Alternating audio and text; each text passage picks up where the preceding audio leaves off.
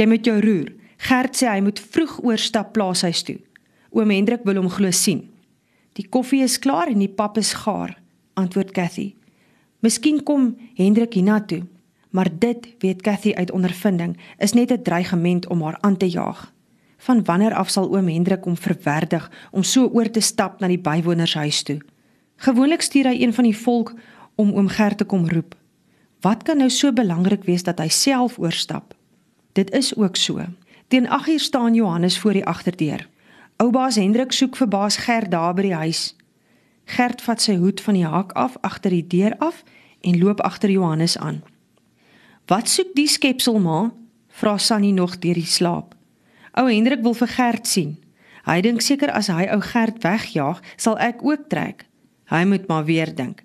Ek bly net hier. Dis nou my huis. Bietjie kleiner as ons huis op Twisnet, maar nogtans myne met my meubels. Het ons al ons goed oorgebring, ma? vra Annie skuins agter haar suster. So te sê alles, ou Gert se gemors is agter in die ou waanhuis. Bring ons koffie, beveel Sunny sonder om na Cathy te kyk. Cathy weet die mens praat met haar en sy weet sommer dat die susters na mekaar kyk, honend glimlag, vir hulle ma kyk en omdraai om in hulle bed vir koffie te gaan lê en wag. Asseblief en dankie is nie meer woorde wat in die minnaarhuis gebruik word nie. Vat vir hulle koffie en beskuit, sê Stini voordat sy ook uitloop. Toe oom Gert later die oggend terugkom, kan Cathy al sien hy's omgekrap, nog voordat hy een van sy skaarsinne kwytraak. En nou, vra Stini toe hy by die tafel kom sit en sy hoed met 'n sug langs sy stoel op die vloer neersmyt. Was jy weer te bang om jou sê te sê? Ek het niks om te sê nie, verfies hy hom. Cathy skink vir oom Gert 'n beker koffie. By die plaashuis sou hulle nie vir hom koffie aangebied het nie. "Wat sê Hendrik?" vra Stini stig toe Cathy die beker voor hom neersit. Melk en suiker klaar ingegooi. "Het jy geroer?" vra Stini, maar Cathy het klaar weer teruggedraai stoof toe. Sy moet die vuur krap en 'n skeppie kole ingooi, want die kos vir middagete moet op die stoof kom.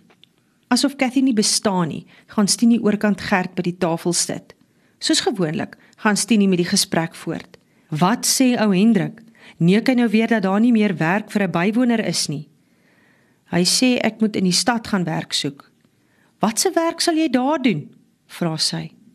Myne toe, sê Hendrik. Of soldaat word. Oorlog toe. Hendrik sê hulle soek mense in die weermag om op te lei. Miskien kan hulle my leer om 'n mechanic te word. Daarvoor moet jy slim hande hê, blaf Stini. My hande staan vir niks verkeerd nie, verweer Gert. En as hulle jou oorlog toe stuur, dan is jy ten minste van my ontslaan. Maar ek gaan nie vir ou Jan Smits en die Engelse veg nie. Snork is die enigste antwoord wat hy van haar kry. Hier teen 12:00 hoor Cathy man stemme buite. Oom Hendrik het dit so waar oor sy hart gekry om tot hier te loop. Gelukkig is Tini of die dogters nie in die kombuis nie en Cathy kan naby die agterdeur gaan staan om te hoor waaroor die mans praat. Ek het uitgevind waar mense in Johannesburg by die myne moet gaan aansoek doen, begin oom Hendrik. Ek gaan nie in 'n gat in die grond inkruip nie, brom oom Gert. Jy kan nie kies nie. Jy moet leef en hier is nie meer vir ons almal plek nie. Ek gaan ook nie aansluit nie. Bang vir oorlog? Oom Gert antwoord nie dadelik nie. Miskien wag hy net dat die gaanse klaar raas. Toe sê hy: "Ek was ten minste nie 'n joiner nie. Ek het nie vir die kakies geveg nie. Oom Hendrik se stem word harder, asof hy kwaader word. Jy het hulle gehelp. Dis lank terug. Ek help nie meer die Engelse nie. En ek het nêrens omheen te gaan nie. Omdat my pa 'n bitter einder was, het ek na oorlog net 'n verskroeide stuk grond gehad. Die oorlog was onnodig. Dit klink of oom Hendrik klaar gepraat is. Alle oorloë is onnodig, sê oom Gert. Nog nooit het Cathy die oom so baie hoor praat nie lang sinne en dit voel vir haar asof sy die eerste keer hoor wat hy dink. Omdat hy min praat, het sy gedog hy dink ook min. Nou voeg hy tot haar verbasing nog by: Boere soos ek is dom geklap deur 'n oorlog wat ons gewen het en 'n vrede wat julle verloor het. Cathy wag om te hoor wat oom Hendrik hierop antwoord, maar dit klink vir haar of hy net so onverhoeds betrap is deur oom Gert se ongewone spraaksaamheid. Hy val weer terug op die begin van die gesprek. Jy weet, Varkensfontein kan ons nie meer almal dra nie. Is jy wat ons nie wil dra nie? Ek sal so gou moontlik stad toe gaan. Daar's werk vir Afrikaners op die spoorweë. En jou vrou? Hulle moet maar hier bly totdat ek reg gekom het. Hulle kan nie vir altyd hier bly nie. Jy en Stinie sal beter regkom as ek nie hier is nie. Cathy word yskoud. So het sy oom Gert nog nooit gehoor praat nie. Oom Hendrik klaar blyklik ook nie, want hy sê net kortaf kry jou ry. Staan jy weer en afluister. Cathy skrik en koes outomaties toe Stinie agter haar praat. Dis haar ou laaidie om 'n mens so stilletjies te bekruip. Nogtans is dit meer as 2 maande later voordat oom Gert weg is spoorweg toe. Glo plek gekry in iets soos Braamfontein om geleer te word om treine rond te sjant. Wat dit ook al beteken. Cathy wonder hoekom 'n mens dan moet leer, want treine het sy spoor, loop van self en Jopie sê sjant beteken om treine rond te skuif. In opdrag van Stinie het Cathy al vroeg opgestaan om vir Gert padkos te pak. Toebroodjies, drie gekookte eiers en twee frikadelle. Toe Cathy die komando bottel vol koffie langs die bordjie toebroodjies neersit, skel Stinie. Loop was eers die bottel. Jy kan mos nie nou die label op die bottel los nie. Die mense sal dink ons is 'n spul brandewynsuipers. Kan jy nie dink nie? Cathy trek die etiket af en Stinie tuur voort. Hy moet eers tot by Muur se Hoop se skool stap. Van daar af kry hy geleentheid dorp toe. 12:00 kom die trein op die stasie aan. Jy kan hom mos met jou perdekar vat, wil Cathy voorstel, maar sy weet van beter as om raad te gee of om vrae te vra. Môre is hy in Johannesburg, het Cathy gehoor hoe Stinie vir die twee drake verduidelik. Kan sy nie saamgaan nie? het Annie gevra en met haar duim oor haar skouer na Cathy gewys. Sal jy dan in die kombuis werk? het Sunny gelag. Jy kan, het die suster teruggespot. Dan moet sy seker maar bly. Sy bly, het hulle ma gesê en daarmee was die gesprek afgehandel. Dalk sou dit vir haar beter gewees het om saam stad toe te gaan, dink Cathy, terwyl sy die kos in die plat blik pak. Na Tannie Hetta se dood, het sy nog nooit weer van Tannie Hetta se dogters gehoor nie. Miskien moet sy wegloop, al agter oom Gert aan. Hy sal seker weet waar sy kinders in die stad woon. Waar sal sy in 'n stad werk kry? Sy is nooit eens hoërskool toe nie. As sy maar net geweet het wat van juffrou Gous geword het. Sy het die kosblik klaar gepak en die bottel koffie goed toegedraai en alles netjies bymekaar op die tafel gelos en buitentoe geloop.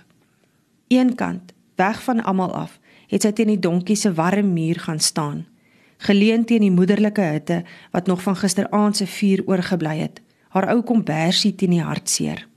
Nogtans bly die onsekerheid in haar binneste brand. Dit is nie dat sy en die oom so danig baie gesels nie, maar hy was tog altyd in sy sweye iewers naby. Nou rol die laaste krummeltjie geluk saam met hom van die tafel af. Die laaste vastigheid ry vanmiddag saam met die trein weg. Sy weet net sy sal hom nooit ooit weer sien nie. Al het oom Gert nie baie gepraat nie, het hy nooit beklei nie. Sy stilte is al wat van Tanietta oorgebly het. Toe voel sy die hand op haar skouer. Sy kyk skuins af.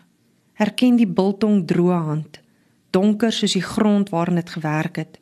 Die hand wat sy so baie kere stil op die kombuistafel se blad sien lê het. Ek is jammer, is al wat hy sê. Sy kyk nie op nie, bang vir wat sy voel. Sy sien hoe hy sy hand in sy baadjie sak steek. Dis al wat ek het, sê hy eers en sit iets in haar hand. Dit voel koud en blikkerig. Sy kyk op, maar oom Gert kyk weg. Sy sien hoe die bekende Adamsappel in die seeningrige keel spring. Sy hoor hom sluk, maar toe draai hy om en loop, bewerig asof sy bene te swak geraak het om die maar lyf te dra. Pas jouself op, sê hy sonder om om te kyk. Ek wil saamgaan, roep sy agter hom aan, maar hy hoor haar nie. Hy mag nie hoor nie, weet sy. In haar hand voel sy die plat ronde blikkie wat hy vir haar gegee het maar hy is al byna by die groot pad voordat sy haar hand stadig heeltemal oopmaak. Die blikkie is oud. Die wit letters op die groen band ken sy en deur die trane lees sy Zambuk op die dekseltjie. Sy hou haar linkerhand oop, streel met die regterhand oor die geawende Zambok blikkie. Sy maak dit stadig oop, sien deur 'n gordyn van hartseer die opgevoude noot daarin. Haar vingers bewe toe sy dit oopvou. 10 shillings. Dit moet al sy spaargeld wees, 'n fortuin wat sy vir Stinie en die dogters ergens diep moet wegsteek. Sy maak die deksel toe, kyk pad toe en onthou dat tannie Nita altyd haar hakke met sambok self ingesmeer het. Ek weet nie, het sy dan gesê, hoekom iemand 'n goeie salf 'n sambok kan noem nie. 'n Sambok maak siek en 'n salf maak gesond. As haar keel nie so pynlik toegetrek was nie, het sy agter hom aangeskree om te wag, maar die krom figuur word al hoe kleiner. Verder en verder skuifel gister in die groot pad van haar af weg. Toe gaan begrawe sy haar erfborsie in 'n sambokblikkie agter die klein huisie vir wanneer sy dit eendag vir haarself kan gebruik.